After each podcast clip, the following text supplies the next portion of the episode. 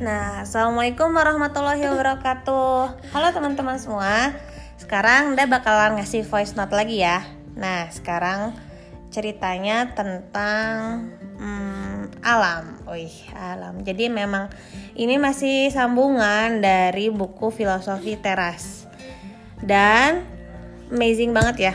Jadi kemarin itu sebenarnya Anda sedang cerita tentang alam. Salah satu mungkin ya Salah satu yang buat si virus ini datang adalah ketidakseimbangan alam kita. Ya kan? Ada juga ya dikatakan bahwa tiada tiada bencana atau kerusakan di muka bumi ini hanya karena ulah manusia. Yup, betul, karena ulah manusia. Hmm, tapi kali ini di filosofi terasnya nggak akan terlalu banyak membahas soal kerusakan di muka bumi. Dia lebih meng mengingatkan kita akan alam semesta ini bahwa kita hidup uh, sesuai dengan yang terjadi di alam semesta ini. Di, di awal dia menceritakan tentang anaknya, bagaimana proses anaknya berjalan ya sama lah teman-teman semua juga pasti punya anak kan? Dan teman-teman semua pasti melihat tumbuh kembang mereka. Bahwa anak kita gitu dari dia bayi sampai dia bisa berlari pun dia melakukan prosesnya. Nggak ujuk-ujuk kan? Nggak tiba-tiba bisa jalan nggak tiba-tiba bisa lari. Semua ada prosesnya. Manusia perlu hidup selaras dengan alam. Jika ingin hidup yang baik. Keluar dari kelarasan dengan alam adalah pangkal ketidakbahagiaan. Contohnya gimana sih? Nah, manusia adalah makhluk makhluk yang perlu hidup selaras dengan cara berpikir, memiliki nalar, berakal, beda sama hewan. Hewan saja, contohnya deh, singa. Di sini dikatakannya tentang singa Singa yang hidup di alam bebas, tapi saat dia ditangkap dan masuk ke dalam kurungan hmm, di kebun binatang, pasti hidupnya tidak akan sebahagia dengan dia hidup di mana? Di alam. Ya, seperti itulah saat manusia hanya memikirkan emosinya, hanya berpikir tentang egonya tanpa melihat nalar, otomatis hidupnya tidak akan bahagia.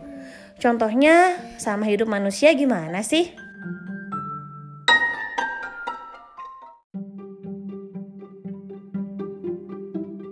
Contohnya gimana sih? Kalau di sini Anda hmm, share beberapa contoh ya.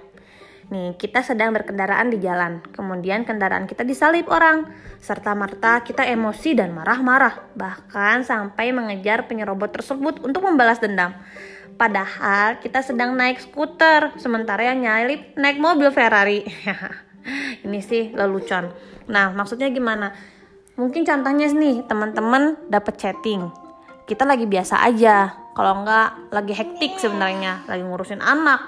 Eh, orang ini ngechat marah-marah sama kita atau nyinyir kita dan kita kesulut emosi tanpa mikir dulu sebenarnya apa yang buat kita kesel gitu terus kita langsung buat dia ngechat dia nih ngechat balik dia maki-maki dia sama aja kita tidak menggunakan nalar kita untuk meresponnya so yang perlu kita lakukan diam sejenak dulu dan berpikir sebenarnya apa yang perlu kita lakukan setelah mendapatkan chattingan tersebut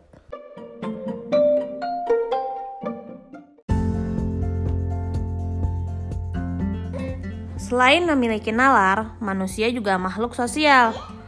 Ya, makhluk sosial. Jadi, artinya kita perlu hidup sebagai bagian dari kelompok yang lebih besar. Jika ini digabungkan dengan prinsip manusia yang menggunakan nalar tadi, kita perlu hidup secara sosial, yaitu tidak mengisolasi diri dari manusia dan juga berhubungan dengan orang lain secara rasional. Jadi saat kita berhubungan dengan orang lain tuh kayak tadi, bukan langsung langsung saat kita mendapatkan sesuatu meresponnya hanya emosi, tapi memang kita perlu berpikir rasional terhadap mereka.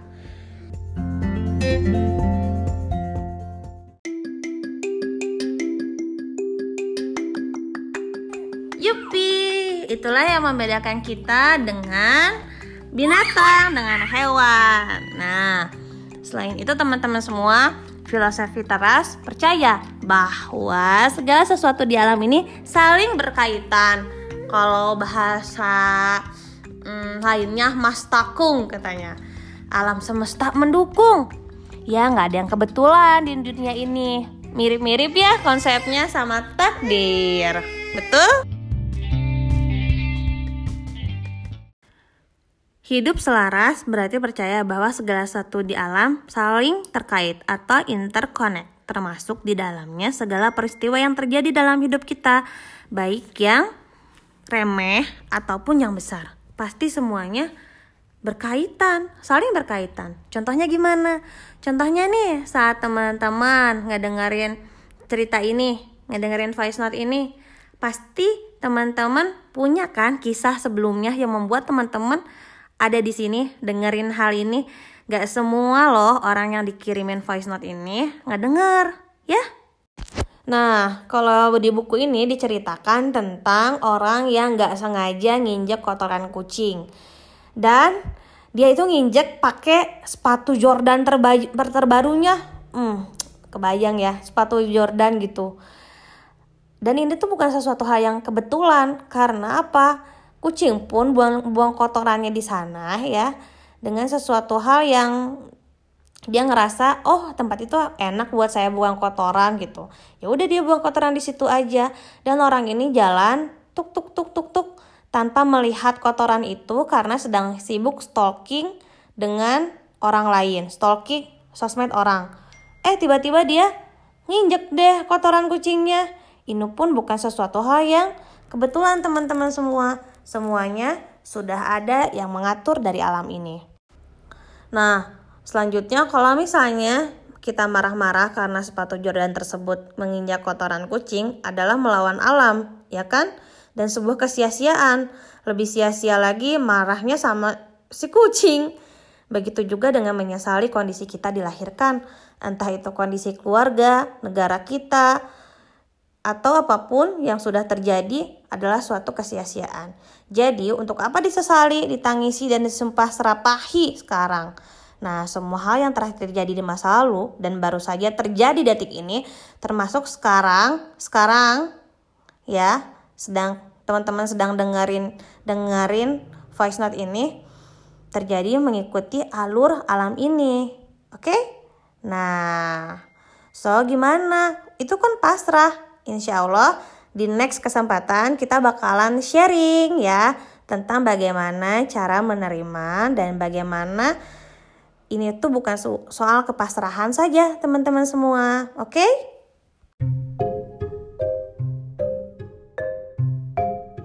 Alhamdulillah akhirnya selesai. Ya terima kasih buat teman-teman yang dengerin dan tahu nggak teman-teman? Setelah enda uh, buat voice note ini nih udah selesai cerita di voice note ini Alta tidur. Dikira Alta mungkin uh, sambil ceritain dia ya Oke teman-teman semua, semoga yang disampaikan sekarang dapat hikmahnya ya. Dan teman-teman semua semangat hari ini untuk 15 menit aja baca bukunya. Dibaca dan dinikmati ya. Jangan lihat tebel atau hmm, banyaknya banyaknya lembaran di bukunya. Tapi nikmati aja satu lembar satu lembar selama 15 menit. Semangat menginput nutrisi nutrisi berharga nutrisi bergizi untuk otak kita. Semangat dadah. Wassalamualaikum warahmatullahi wabarakatuh